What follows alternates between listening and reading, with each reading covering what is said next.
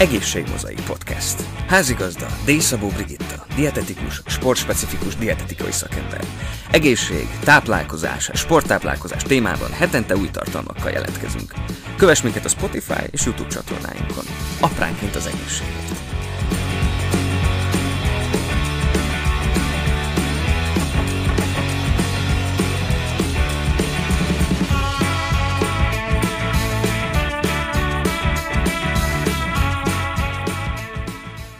Szeretettel köszöntöm a kedves hallgatókat. Normáné Szabó Brigitta vagyok, dietetikus, sportspecifikus dietetikai szakember.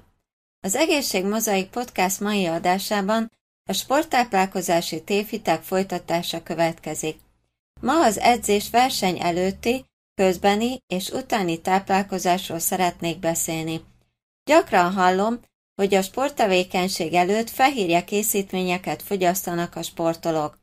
Az edzés verseny előtti két órán belül könnyű, fehérje és zsírszegény élelmiszerek, ételek fogyasztása javasolt.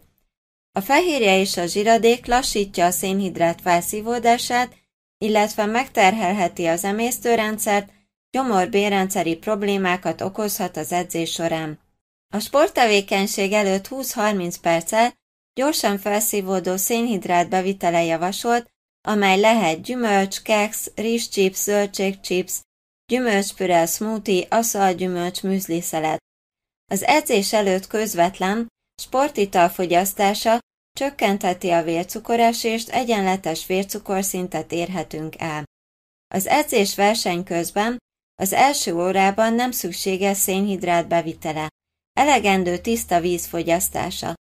Az edzés második órájától Gyorsan felszívódó szénhidrát fogyasztásával a teljesítmény növelhető a kiürült glikogén raktárak feltöltésével. A hosszabb edzés verseny alatt óránként növelni kell a szénhidrát bevitelt. Az edzés verseny után minél hamarabb, ideális 20-30 percen belül fehérje és szénhidrát egyidejű bevitele.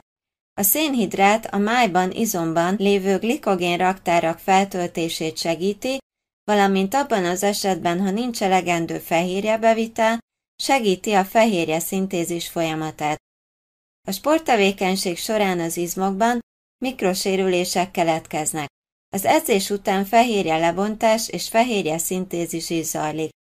A fehérje szintézis folyamata megfelelő mennyiségű, magas biológiai értékű fehérjével segíthető. Az edzés utáni fehérje bevitel önmagában nem elegendő a regenerációhoz, az izomzat építéséhez. Ehhez megfelelő mennyiségű kalória beviteli szükséges, amelyet a szénhidrát fogyasztással érhetünk el.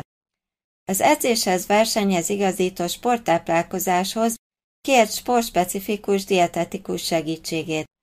Köszönöm, ha a további adásaim is figyelemmel kíséred. Kövess engem a Spotify és YouTube csatornáimon, valamint az egészségdietetika.hu per podcast oldalon. Dormáné Szabó Brigitta dietetikus, sportspecifikus dietetikai szakember adását hallgattátok. Apránként az egészségért. Egészségmozaik Podcast. Házigazda D. Szabó Brigitta, dietetikus, sportspecifikus dietetikai szakember. Egészség, táplálkozás, sporttáplálkozás témában hetente új tartalmakkal jelentkezünk. Kövess minket a Spotify és YouTube csatornáinkon apránként az egészségét.